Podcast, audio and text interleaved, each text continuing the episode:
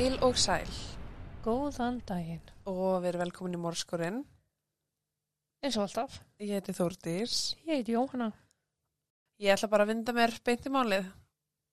Snildin einn. Paulette Gebara Fara fættist þann 20. júli árið 2005 í Húskúilikan í Mexiko. Guð hjálpið þér restina málunu. Nei, nei, ég, þú veist, ég er ekkert að segja þetta aftur. Ok. Fóreldra hennar voru Lisette Fara og Mauricio Gebara en þau hefðu gift sig árið 2001. Vittu, dettur hún niður úr húsi? Nei. Ok, Ég veit ekki hvað mál það er. það er ógislegt mál. Já. Fadir Lisette var líbanskur innflytjandi og hafði hún alla æfi notið þeirra forréttinda að fæðast inn í ríka fjölskyldu. Hún gekk í engarskóla í Mexiko og var þar lokum lögfræðingur. Mauricio hafði byggt sinn feril upp frá grunni en hann átti farsæl fyrirtæki sem að sér hafði sig í fastegnum. Fyrsta dóttir þeirra hjóna, Lisette Yngri, fættist árið 2003. Tveimur árum síðar voru þau tilbúin í annað barn en það fór ekki sem skildi. Paulette kom í heiminn fyrir tíman eftir 25 vikna meðgöngu og var hún aðeins 800 grömm og 35 centimetrar.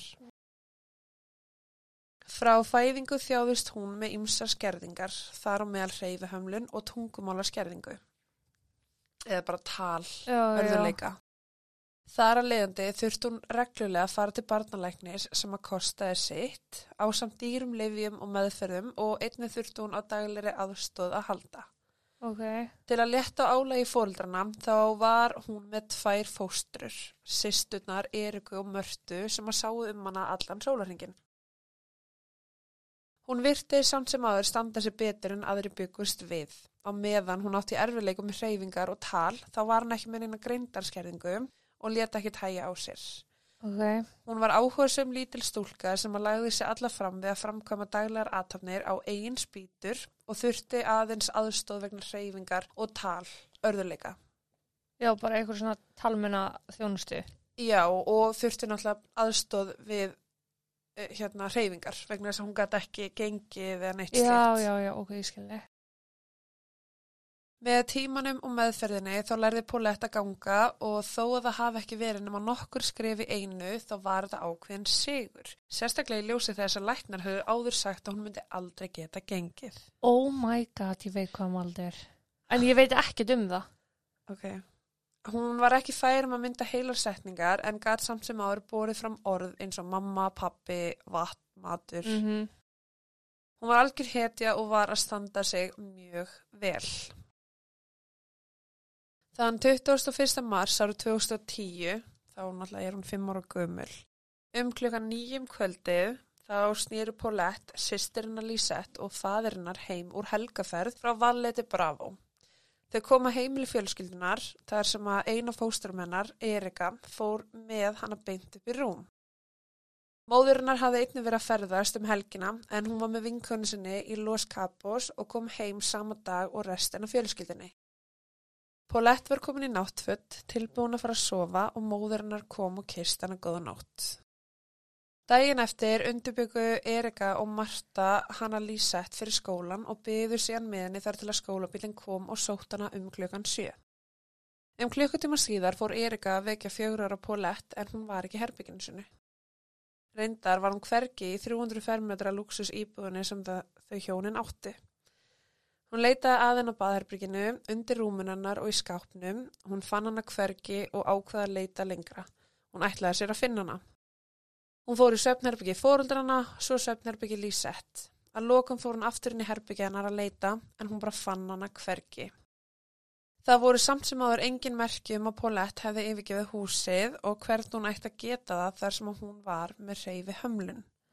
Það var mjög krefjandi fyrir hana að komast úr rúminu sin, sínu sjálf, hvað þá gangi út úr herbygginu að útidrahurðinni án hjálpar. Mm -hmm. Dauðrættum að einhver hefði ræntin um nóttina, þá let Erika fóreldrana vita og hjælt svo áfram að leita að henni í hverfinu, sérst fyrir utan. Já. Ja. Nú eru þau bara komin á þá skoðun, bara að það er einhver sem var komin og ræntinni. Já. Svo tilraun reyndist árangurslaus því að Paulette fannst hvergi. Eftir að talað við nágrana á öryggisverðina sem að höfðu ekki sé stelpuna heldur þá tilkynnti Maurice og sýstu sinni um hvarf Paulette og sýstir hans ringdi lörluna. Ok. Rannsókn hófst þegar í stað og fljótlega fylltist íbúðunar af rannsakandum og lörglumönnum. Hins vegar var fljótljóst að yngar vísbyttingar voru til staðar um hvað hefði gerst eða hvar hún væri niðurkomin. Skoðað var hvert krók og kema á tveggja hæða húsun eðra. Það voru engin merkjum einhver hefði brotist inn, engin merkjum átök, enga hluti vantaði og það var engin pólett. Rannsakandur voru ráðalösir og hafðu engar vísbyttingar til að fara eftir. Frænkenar, sýstir Morísó, hún byrjaði að senda tölvbústa um allt og byrti myndir af henn á samfélagsmiðlum til þess að vekja aðtikla á hvarfi Pólett. Á með tíma voru byrtar auðlýsingar með myndum af henni.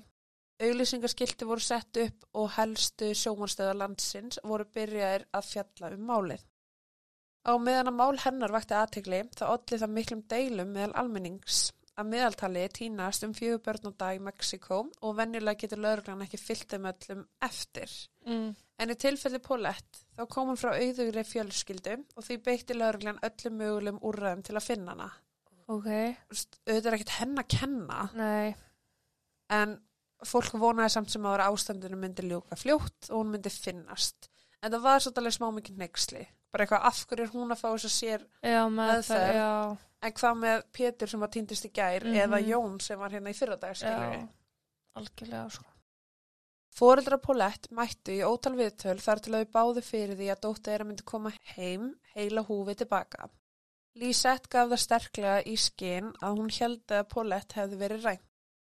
Margir dróðu það í Eva þar sem að engin merki hefði verið um innbrot og engin hafði haft samband við fjölskylduna um lausnagjald. Mm. Lisette var mjög kvíðin og átti erfitt með sjálfa sig. Þegar hún var spurð að því hvernig dóttirinnar hefði mögulega verið tekin að heimilinu þeirra, þá sagði hún, kannski var hún tekin að geimverum eða jafnvel Harry Potter. Ok.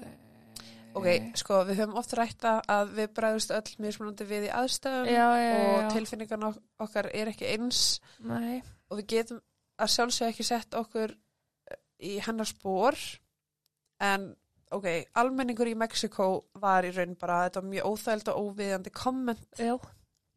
að hún var bara eitthvað að grínast með það að dóttirinnar væri horfin. Já. Hægt og rólega jógst grunur gegn fjölskyldinni var meira til í sögunni en fjölskylda Paulette hafði upprunlega sagt.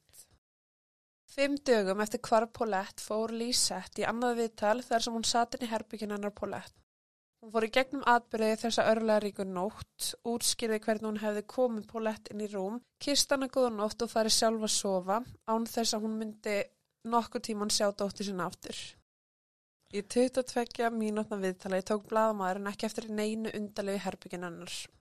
Lisette verðist vera mjög sár, hún sat á rúmi dóttur sinnar og lísti því hversu mikið hún saknaði hennar. Hún sagði að það eina sem hún myndi vilja væri að fá dóttur sinna aftur heim. Ok. Eftir ídarlega rannsók sem að stóði yfir nokkra daga þá komast yfirvöld að þeirri niðurstöðum að Paulette hefði ekki verið rænt. Það var heldur ekki mögulegt að hún hefði getað farið eitthvað sjálf þar sem hún gæti ekki hreift sig án aðstóðar. Mm Þef hundar höfðu verið notaðar við leitina að henni og það fannst þess engin slóð sem að leita hana út úr íbúðinni. Þannig að frá herbyggjun hennar Já. það fannst engin slóð sem að gaf til kynna að hún hefði sérst farið út hér eða þar. Ok, þannig að hún er í nýbúðinni. Kanski. Ok. Það er sangut hundunum hún, já. Ok, já, Já. skilja, já. En það voru heldur engin ummerkjum að utan að komandi aðili hefði komið inn á heimili fjölskyldunar. Þar með var engin önnur rökrætt skýring eftir og lauruglan var vissum að annarkvort fóruldra hennar, fóstrur eða þau öll saman bæru ábyrð á kvarfi Paulette. Mm. Þann 29. mars tilkynnti dómusmálar á þeirra að hann ætlaði að setja Maurice, Lisette, Eriku og Mörtu í stofi fangelsi vegna ósamræmis í yfirlýskum þeirra. Dægin eftir voru þau flutt á hótel þar sem að þau myndu eigða tíma sínum þar til að máli myndi upplýsast. Ok. Þau voru sérst bara fengin utan að heimilinu og færið inn á okkur hótel og þar áttu þau bara að vera. Já. Eða þú veist, gæslu var haldnir á lauruglustöð, fancy hótel, Uh, peningar geta keift ansi mikið. akkurat. Á þessum tímapunkti var Lísett ofinberlega grunuð um hvarf dóttur sinnar en fréttamilar greinti frá því að þeir ættu sérst, leynilegar upptökur af samtölum milli fóreldrana og eldri dótturinnar, sérst Lísett. Ok. Og það leiti til þess að þau voru handvisum að Lísett hefði gert henni eitthvað, Dótturinn eða móðurinn? móðurinn. Ok, akkur bara móðurinn en ekki... Að því að sko á þessum upptökum að þá er móðurinn að segja dótturinni bara ekki tala við rannsakandur.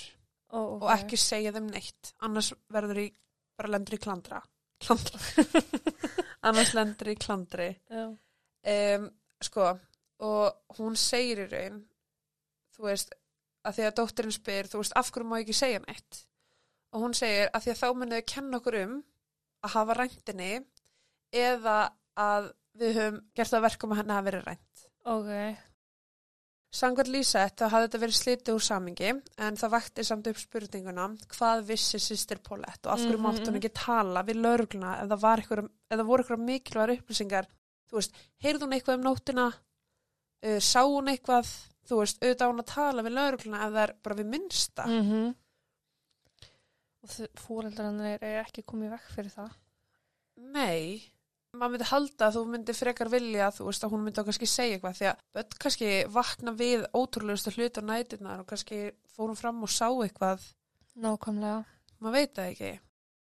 Báðar fósturinnar fullirtu að fóreldrannar virtust vera ofrólir á meðan að allir hinnur leituðu í ofvenni að henni. Mm. Erika sagði að þegar hún hafi vakið móðurina með fréttinnar um Paulette þá hafi hún verið mjög áhyggjulaus.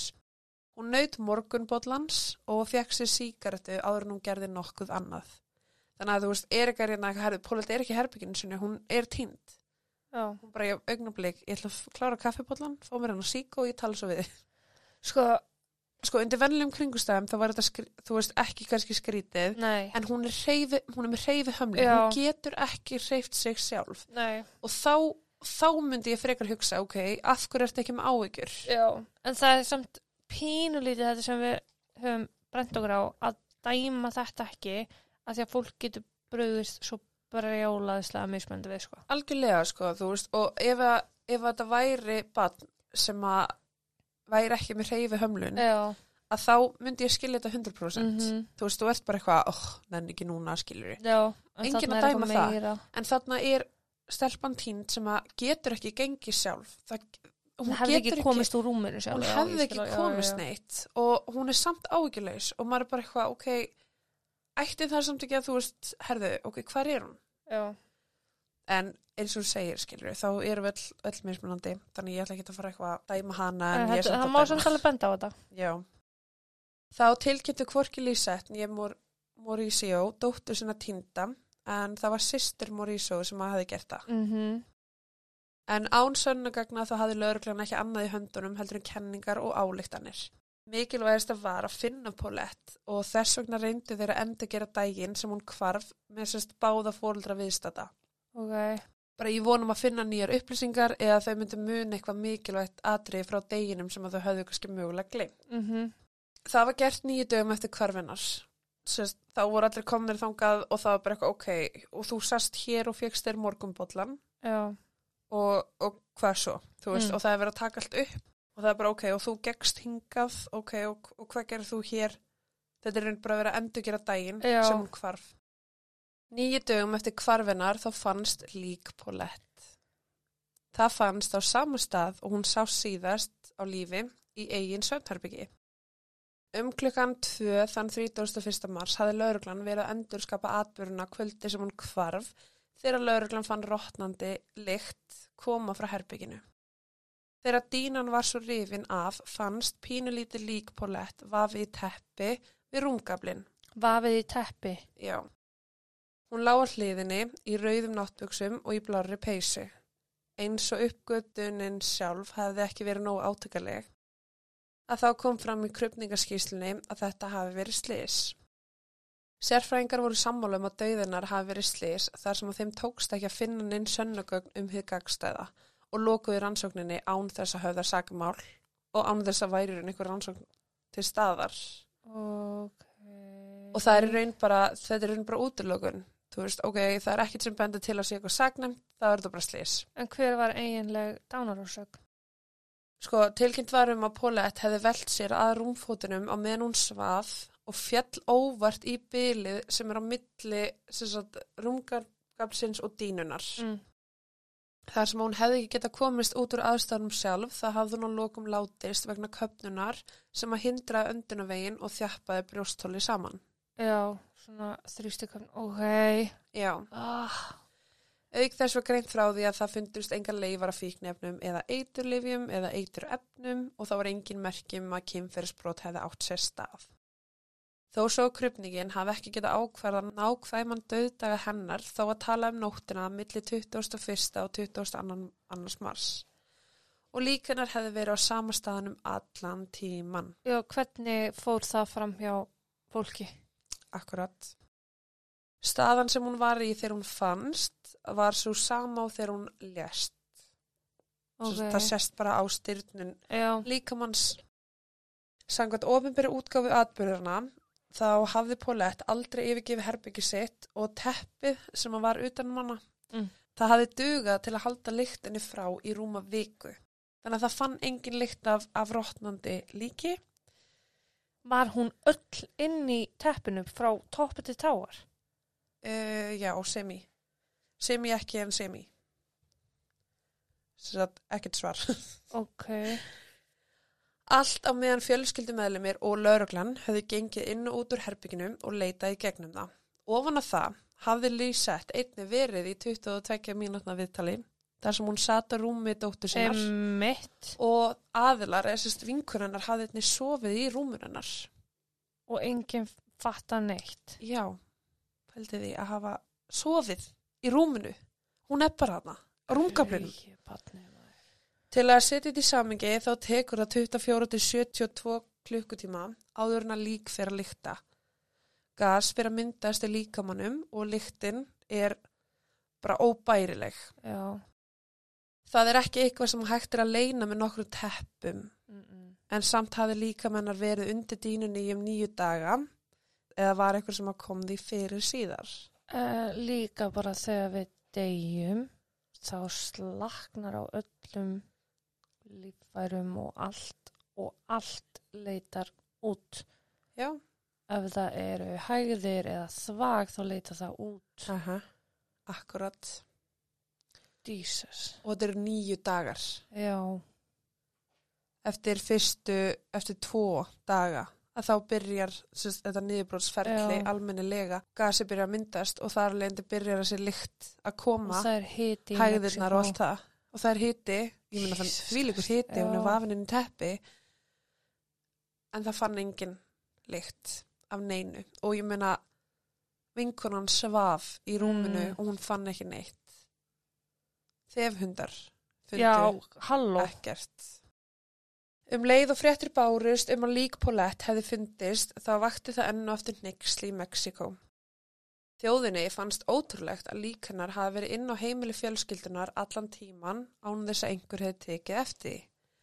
Að auki hafði hegðun fóreldrana uh, verið vafasum frá upphafi og lögreglan hafði sjálf upplýst í byrjun að Lisette bæri ábyrð á hvarfi dóttur sinnar Já, sem var nú orðið að andláti. Þeir voru samt sem aður tilbúin til að loka rannsókninni. sem bara slis. Já. En sérst, áður nú fannst að þá hafi lauruglan sagt við teljum að Lísett hafi gert henni eitthvað. Já. Og svo bakkaði með það. Svo bakkaður með það.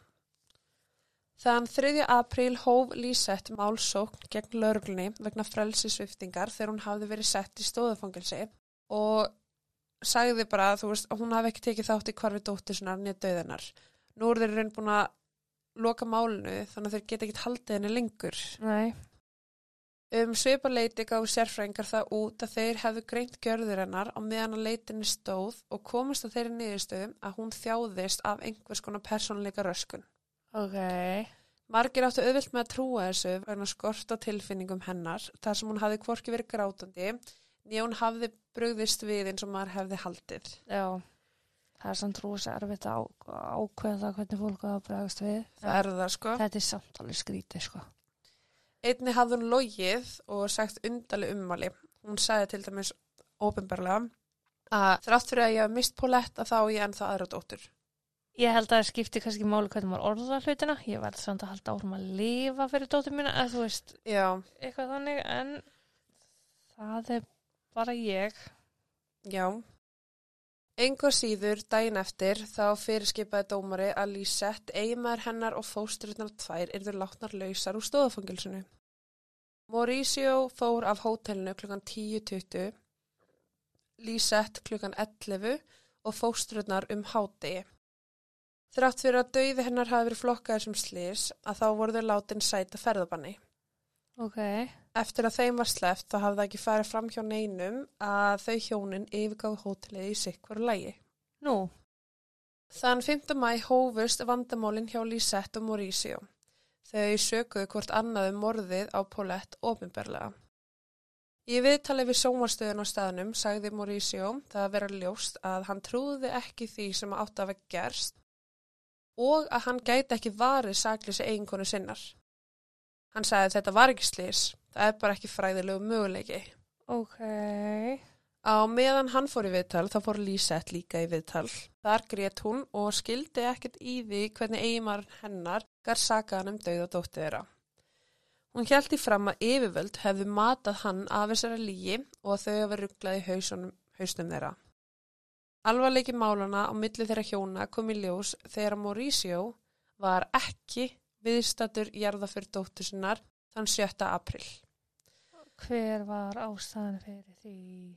Paulette var lögð til, hin, til hinstu kvílu í hvítri kistu vafin hvítum rósum. Auk fjárfyrir föðurnar var sýsternar heldur ekki á staðnum og engin af föður hlið fjölskyldunar. Aftur á móti mætti Lísett ekki vökuna hennar að beðinu eigimann síns. Ok, þannig að vakan var fyrir hann og hans Já, og aðtöfnum fyrir hann og hennar. uh Að sögn Mauricio þá vildi hann aldrei aftur sjá Lísett. Föður fjölskyldan stóð þjætt við baki á honum og neitaði Lísett einni að hitta sérst, hina dóttur sína sem hafði verið hjá þeim síðan 4. april. Því að hún alltaf þurfti einhvern, einhvern samastað Já. að meðan þau voru í stóðfangil sem meðan allt var að gerast. En að lokum fekk Lísett forræði yfir sérst, eldri dóttur sinni þann 10. mæ árið 2010. En málun er samt ekkert lokið sko. Nei, ok. Upphaflega virti sem rannsakandur gerðu allt í sínu valdi til að finna Paulette en smátt og smátt komu upplýsingar í ljós um hversu illa hefði verið staðið að rannsókninni. Í fyrsta lagi þá hefðu rannsakandur sem að kom... Í fyrsta lagi þá hefðu rannsakandur sem að komi inn í íbúðuna 22. mars aðeins mátt leitað ummerkjum um innbrott, ekkert annað. Að beðinni, að beina náttúrulega bara ríkist lauruglustjóra eða dómsmálaráðanætis hver er að borga? Hver er að múta? að auki hafði dómsmálaráð þeirra skipað þeim að hætta leit nánast um leið og rannsakandur mætt á staðin að óþektum ástæðum. Ok, Vettfagurinn, honum var aldrei lokað og því gætt fólk gengið inn út að vild og í kjölfarið gáttu mikilvæg sönunugögn hafa eðilagst. ætla að segja sem að kalla spiltur vettvangur, bara, Já, já, 100%. Það var heldur engin skýring til staðar hvers vegna vinkonannar Lísett, sérst Amanda, hafði fengið að búa á heimili fjölskyldunar og sofa í rúmunennar Paulette. ég hef sko með kenningu um það. Já, alltaf fram. Það virti sem enginn teldi þetta vera glæpa vettvang eða minnstakosti var hann ekki meðhöndlar sem slíkur. Engur síður á meðan að Amanda vinkonana dvaldi í húsinu þá bjóðunum rúmið daglega. Já. Sist, já. Aha, Og hún var aldrei var við neina vondalikt eða blóðuga bletti á rúmfötunum. Hins vegar sjást blettitir vel á myndbandi sem að tekið var við uppgötun líksins. ok. Má ég segja kenningunum mína? Já. Ég held að hún hafi verið fenginn til þess að gistan til þess að láta líta betur út. Já. I say nothing. Ok. Þessi bara að kasta þessu. Sagt er að myndbandi hafi verið tekið í þeim tilgangi að taka upp sérst, endurgerð atbyrða sem að leiti til hvarfsis á Paulette. Já, Þannig að þegar hún fannst, þá voru þeir sérst að taka upp allt og Já, þú fyrstu já, kaffi og, og svo gekkstu hér. já hún Á- fannst náttúrulega daginn sem þetta var gert allt aftur. Já, Já, þannig að það var allt til á vídjum. ok. Á myndskeiðinu má sjá hóp þryggja réttarminafræðinga, mæla rúm litlu stúlkunar og taka síðan teppið af til að sína tvo stóra blóðbletti. Að lokum uppgötuðu þeir lík hennar undir rúmföðunum að hluta til falið á annari hliði dínunar. Það var hins vegar forvitnilegt að áður en að þeir höfðu sé líkið þá máttu heyra eitt segja tvisasinnum að Paulette hafi verið alvarlega barn til dauða. Já, Hvernig gáttu þeir gefið út slíka yfirlýsingu og voru þeir að sjá sér sannugögn í fyrsta skipti eða höfðu þeir séð þetta áður og voru byrjar að mynda sér skoðun. mm, Skríti smáadriði vakti marga til umhugsunar hvort upptakan væri raun, endur upptaka á atbyrðum eða ekki. Kenningin var stutta þeirri staðrind að enginn þeirra virtist vera hissa þegar þeir fundu líki hennar. það, ég, twist. Samt er talið að margóft hafi verið leitað í herbygginu og það hef ekki verið mögulegt fyrir hana að vera þar. Að auki var ekki einingis eins og þeir hafi ekki verið hissa að finna líkið, heldur þá leitið þetta meira út eins og þeir verið að fylgja einhverju handriti. Eins og það væri bara búið að setja upp glæpavettvangin og bara þarna áttu þeir að finna hana. Mexiko er náttúrulega þekkt fyrir spillingu innan lögreglu. Já. Stærsta vandamáli sem var til staðar varandi minnskeiði var svo staðrind að tala var um ofbeldi sem dánar orsök. Samt sem áður um leið og myndbandi var byrt að þá tilkynnti rannsakandi málsins að Paulette hefði látist fyrir slistni af völdum köpnunar. Líka með hennar var samt staðsettur þannig að hún hefði ekki mögulega geta velt sér þangað. En fremur höfðu yfirvöld sjálf gefið út myndbandi til að sína almenningi hvernig líkið var uppgötað en neituð að svara öllum spurningum sem voru tengd í. Þannig að hendur myndbandinu út en Og svo þegar fólk fór að þú veist question them að þá voru þau bara, herði, no comment. fyllið upp yðurnar. Já. Ok. Ofan á allt virti sem að enginn hefði munið eftir því að nefna það að Mauricio, faðirinnar, var með náinn tengsl við dómsmálar ráðherran Jæja, var það ekki? sem að sáu málið. Það skýri mögulega hvers vegna hann var svona fljótur að skella skuldin á Lisette. Að það gata. Já, frá byrjun þá var hann bara, þetta var Lisette, Já. við sjáum það bara. Honum tókst að sannfæra all landið um að móðir Paulette væri köld og útreiknu kona sem hefði losað sig við fatlaða dóttur. En af hvaða ástæðu sem er þá hafði hann skipt um skoðun varandana en það taldi hann máli vera slis og let loka rannsókninni. Síðar kom í ljós að bæði Mauricio og Lisette höfðu líst því yfir við rannsóknina að þau vissu hvað hefði orðið um dóttu þeirra og kent hvort öðru um það frá upphafi. Mauricio sagði við laurugluna, já, ég veit hvort dóttir mín er og ég mun bara segja það að þú hjálpa mér svo ég mun ekki eiga í neinu vandræði með lögin. Ég hrættur um að fara í fangilsi og ég er mjög örfendleika fullur. Var það þess vegna sem að rannsakandur voru ekkit svo hissa þegar þeir komu auga á líki en að Paulette því að Mauricio hefði sagt þeim hver það væri staðsett. Já, mér finnst lögreglan bara að hafa gert shit job að vera ekki búin að finna hana eða þau voru búin að leita um allt, sko. Já. Og svo var líka spurningin hvort að dómsmálar á þeirra hefði notað stöðu sinna til að hjálpa Mauricio með því að loka rannsókninni þannig að verði ekkert rannsakað Já. einmitt út af þessum kommentum sem hann átti að hafa sagt við lögregluna. Hvort sem þessar vangavelti voru sannar eða ekki þá varð uppnám almennings vegna meðferða málsins mjög sýnilegt og það kom engum á óvart til að dómsmálar á þeirra sagði af sér þann 27. mæ. Mm. Hann sagði hins vegar að öll rannsóknin hefði verið gerð í samræmi við verklag og lög og hann stóð við þá niðurstöðu að dauði Paulette hafi verið slis. Að hans vegn var hann einingis að hætta vegna þess að umbað hans hefði tapað trúveruleika og trösti almennings vegna deilina í málinu. Þannig að hann var í rauninni bara að vera næs með því að segja af sér, Bara gera það rétt í stöðinni. já. Afsögn hans gerði þjóðun ekki glaða sem að enn sat eftir að hún svara við endalösu spurningum um dauða hinn að litlu Paulette. Flestir töldu og trúaði enn í dag að hann hafi logið um hvernig stúlkan hefði dáið, hugsalega undir leiðbyningum yfirmann síns eða náins vinar sérst Ava Paulette sem var ríkistjórin í Mexiko. Ok. Já, sérst pappi Mauricio. Já. Þegar öll er á botnin kvöld þá var ríkistjórn almennt talin fremstur í flokki fórseta árið 2012 og málið hefði í raun geta litið mjög ítla út fyrir hann. Já. Hins vegar þá reyndu yfirvöld bara svona æ, þetta var bara slís, Mm. var þetta Paulette og voru eiginlega bara vonast til þess að allir myndu gleyma í hvað þið gerst Já. og voru bara eitthvað, herðu ok, búið flokkta sem slis, málið er lokið, herðu þau einn aftur komin heimt sín og bara búið. En þau eru einn höfðu mjög rámt fyrir sér. Almennt er talið að Lísett hafi búið ábyrð á því sem að kom fyrir Paulette og margir veltaði fyrir sér hvort að móðurinn með þessa undalegu hegðun hafi raun bara verið úrvinda af tilfinningarlegum og fjárhagslegum sem að fylgja því að alveg dóttur með föllun eða barn Mhm. með föllun og sögðu í raun bara að Lísett hafði því annarkur skipulagt hvarfið eða mistjórn á sér slegið hana og myrt hana sérst, óviljandi, bara í rauninni stundabrjólaði Já. og það er sérst, eins og ég tók fram í byrjun þá kemur hún sjálf frá mjög auður, auðugri fjölskyldu Já. þannig að þú veist og svo er fólk bara eitthvað, ok, var þetta fjárhagslegur byrði fyrir hana veit ekki, Já, það, já, ég, ge- ég held veginn að ég er pening, sko. þau eiga pening sko. Já. Lísett hefði það getað falið lík dóttur sinnar í loftstoknum eða sérst liftustoknum Mm. sérst, sem er hjá liftinni áður en hún færði það aftur í rúmi sitt en þessi kenning er stutta því að einn ágrann í fjölskyldunar hafi kvarta yfir því að ein liftan í byggingunni hafi verið að virka fljótlega eftir kvarpólett svona eins og hún hafi verið að rekast á eitthvað Ói, bara.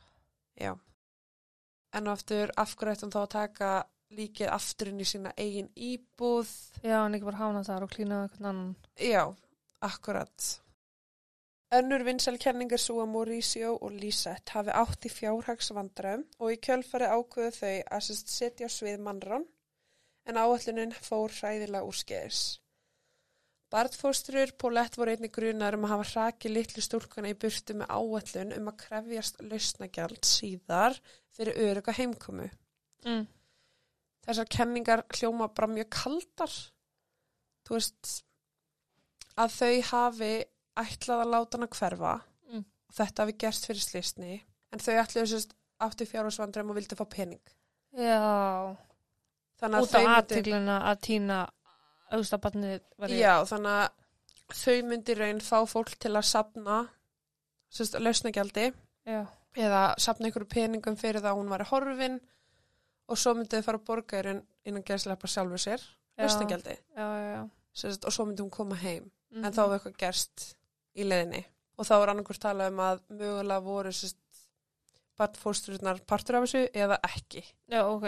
en með við viðbröð Eriku að ég veit ekki Nei. Ég er hann svolítið först að það sem ég held að hafa komið fyrir, sko. Þannig að ég... já vegna endalausra ásakana höfðaði Lísett á endanum mál þar sem hún hjælti fram bara að orðspor hennar hefði beðið óbætalegan skada af staðhæfingum sem að reyndust algjörlega rángar. Alltaf dómsmálaráðherran var sjálfur búin að koma fram og segja bara Lísett er morðingi. Og svo er fólk búið að koma alls konar kenningar, þú veist, um að hún hafi bara verið alltaf köld og að hún hafi bara myrt dóttir sinna út af fjárhag Já. vegna þess að þetta var orðið og dýrt fyrir hana. Þú Hún veist, er, þú veist, hún er ekkert að fara að losna við þær ásakanir svo glatt þó að þó að séu búið að dæma svona í málunni eða þú veist, segja að málið sér slis. akkurat og þú veist, nú er eiginmaðurinn einmitt. komin á mótinni og jafnvel vinkun hennar, semst Amanda sem hafi Já. gist hjá henni. Uh, hún hafi snúist gegninni á meðan rannsókninni stóð og skrifaði að lokum bók um hvarpolett þar sem hún sakaði Lísett um dauða Polett. Ég vil alltaf ógeðslega taktlausamt að skrifa bók. um vinkunu hennar sko. Já. Þannig að til að svara spurningunni eða kenningunni með að Amanda hafi gist hana til að hilmi yfir eitthvað, Mm. veit ekki, en Amanda er í dag bara að Lísett gerði það. Já, að því hún græði pening á því. Já. Lísett tapaði hins vegar málinu sínu fyrir dómstólum á endanum og allar áfríðanir fór ekki gegn. Þeim var hafnað og síðustu áfríðin var hafnað árið 2014. Vá, ok. Sist, hún vildi bara fá það staðfest að væri verið að flekka mann sporið hennar, mannorðið hennar. mannorðið. Já. Sama ár skildi hún og Mauricio formlega. Eftir það þá hvarf Lísett algjörlega úr augum almennings. Þó við vitum ekki enn hvað raunverulega varð um Paulette og aðeins tíminn mun leiða í ljós hvort við getum nokkuð því mann vita að þá er eitt víst. Fólk í Mexiko og allir sem hafa heyrt um þetta mál, þeir trúa því ekki að fjögur ára stúlkan hafi einfallega velt sér í svefni og dáið. Það er bara ómikið ósamræmi og óútskýrðum smáadröfum. Til að bæta við leindardómin var stutt eftir Dveiðapolett byrt myndband sem að hétt El Extraño Casa de la Pijama de Paulette eða The Strange Case of Paulette's Pyjamas Já. á YouTube. Fyrst síndu upptökunar myndir af líki Paulette klædd, klædda bláum og rauðum náttfutum með hreindir af fíkurum sem voru svipaðar þeim sem að sáust í, í búta viðtali móðurinnar sem voru teknar upp nokkru dögum áruna líki fannst.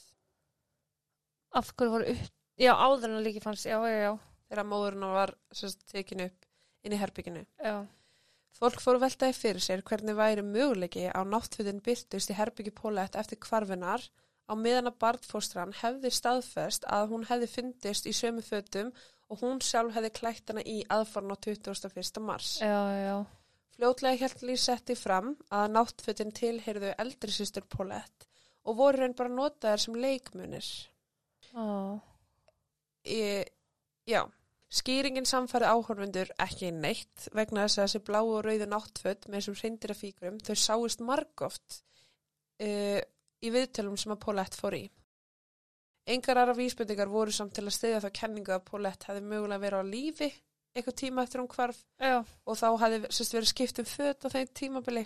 Mm, en bara þú veist, það voru allir bara eitthvað hún er að ljúga að okkur. Já, hvernig finnst barnið í þessum náttfutum þeim sömu og sérst að móðurinni með þegar hún er að byggja eftir heimkomi dótsunar mhm, það er eitthvað of, og af hverju þá ekki búið að finna, finna þetta annað par já, þú veist, ef það, er, ef það voru raun tvö pör á náttfutum hvað er það náttúrulega sem hún var í þjón hvarf? hver er það náttfutin sem voru inn í herbygginu sem leikmunir Já, ef hún er alltaf í þeim mhm, Að komast að sannleikanum varð enn erfiðara þar sem árið 2017 var lík Paulette grafið upp og brenn. Yfirvöld lístu því yfir að líkásleifar hennar væri ekki lengur sönnugagt fyrir rannsóknuna þar sem að málinu væri lokið. Margir voru ósamála þeirri ákvörun og töldu að það hefði átt að endurskoða líkamsleifa stúlkunar vegna deilina um það hvern hún hefði dáið. e, já, En það gerist ekki og ofinberlega er andlátt Paulette en óheflegt slis. Þar sem að það var í raun ekkert eftir að gera á þessum tímapunkti, þá varð almenningur að lokum róleri og fljótlega bara hvarf þetta mál úr augum þeirra. Já, Og það var ekki lengur, þú veist, lýsett eða þetta eða þetta eða tjásu um það. næ, Það er bara svona swifted out, drifted out. mhm, Það var um mitt ára ára 2020 þegar Netflix gaf út smá serju sem að byggir sérst bara á true crime og svo serja kallast The Search og það fylgir fyrðulegu máli um hvarfið og Paulette fara og þeim atbyrjun sem að fylgdi. Þátturinn var strax fyrsta þátturinn sem að hort var á í Mexiko og opnaði raun aftur sárin varðandi dauða litlu stúlkunar fyrir rúm tíu árum.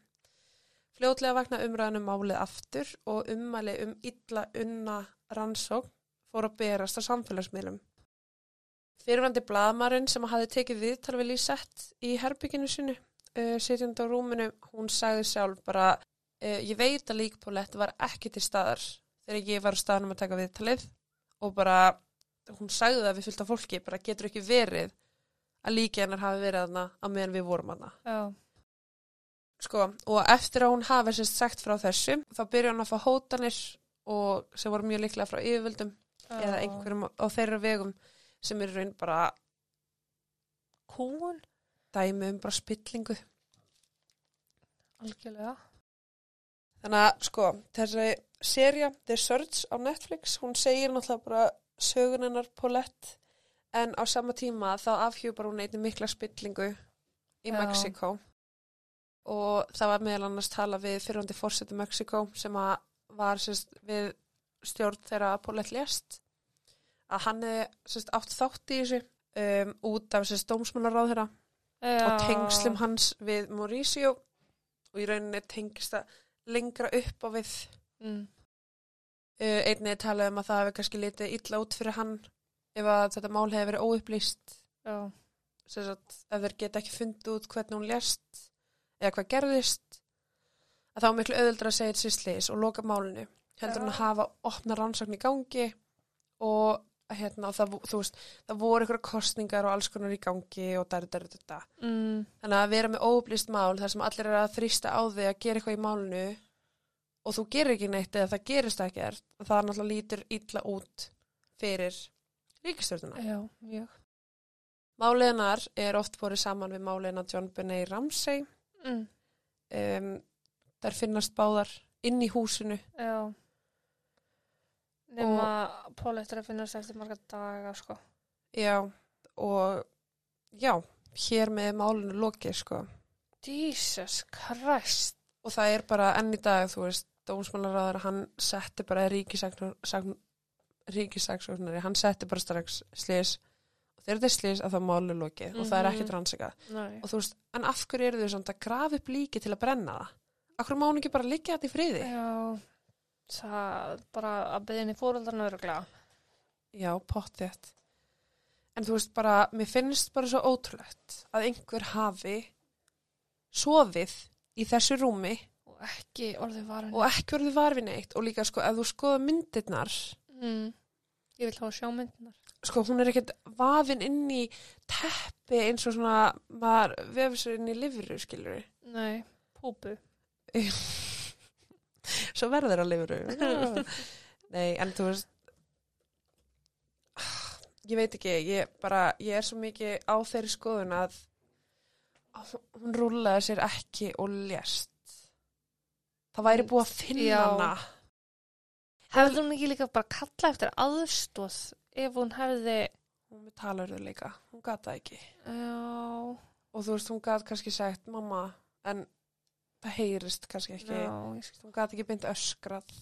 Það er að versta við þetta, sko. Mm, Oh, tó, tó, tó. Sko, og notabenni, þetta eru sérst blóðblettirnir sem Amanda, sem Amanda eða engin annar sá. bullshit. Já, og þegar lauruglan sá þetta, að þá sögðu þau bara, hún var bara undir döða. En er þetta hérna... Losun, útlosun og gasi. Vitið það ekki að þið var ekki rannsakað, vegna þess að Ah. það var bara sagt þetta slis. En það er sko tala um, þetta er í raun herbyggjarnar og að tala um að hún var hér. Ég veit ekki hvort það sjáist. Jesus Christ. að hún skuli hafa bara leið þarna allan þennan tíma ég skil það ekki sko. En hún samt tekur teppið af til Sem að um- sofa Já, nákvæmlega. Þannig að þú veist Nákvæmlega. og hver setur hún teppið og svo væntalega býr hún aftur um rúmið. Já. þannig að hún er alltaf að hrópla við teppinu. Þannig að í rauninum leið og lifti teppinu upp og ef hún er þar á gab gablinum Mm þá ætti að finna sliktin eða blóðið, blóðið sem var í teppinu ætti að sjást. 100% sko. ég bara, og sko ok, það er alltaf að tala um að hún hafi látist í þeirri stöðu sem hún var í. Mm en getur þá frekar verið kannski að hún hafi ymmit látist sofandi -hmm. og þau hafi fært hann einhvern annað og svo þegar þau voru kannski tilbúin til að láta uppgötuna sérst akkurat daginn, það er búið að leita og leita og leita og leita og í einu. viðtöl, það er búið gista það er búið gera allt svo allt í einu daginn sem þeir ákveða að endurgera atbyrði með kameru, þá finnst hún og þú veist, þetta er gett heppilegt það er gett heppilegt að hún finnist akkurat þá af því þá er myndbans Já, upptakan nákvæmlega. Og það er eða einhver annar sem finnur hana en líka bara það, þú veist, að Mauricio hafði sagt, ég veit hvað gerðist, ég veit hvað hann er ef þú hjálpa mér lagalega, Mm. þá skal ég segja þér hvað hann er og svo allt í hennu finnst hún og þeir eru bara eitthvað hér er líkið, þú veist, þeir eru ekki eins og með viðbröð þeir eru Nei. sjá hana Það er eitthvað off við þetta sko. það er eitthvað mega mikið Líka off við að þetta hundanar hafi ekki fundið neitt. Finnst mér Akkurat. mjög mikið off, þú veist, það er bókstala starfið þeirra. Já, og alveg svo þessu blaðmaður, þú veist, hún var og var að taka vídeo, þetta til vídeo eða mynd, myndskeið af henni í herbygginu og þessi náttföt og eitthvað, allt í í náttfötur og mjög spes. Mm. En þú veist, hún sagði bara, ég var þarna inn í þessu herbygg, hún var ekki þarna, barnið var ekki þarna inni Ég bara trúi þér. þegar ég tók viðtalið. Hún satt mér sá rúminu, skilur Mm -hmm.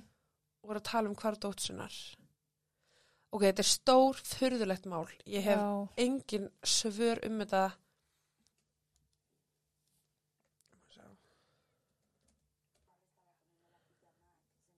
Þetta er stórfyrirlegt Þetta er ríkalegt. það er hægt að sjá hérna viðtalið við móðurina Já. Sem við skiljum náttúrulega ekki.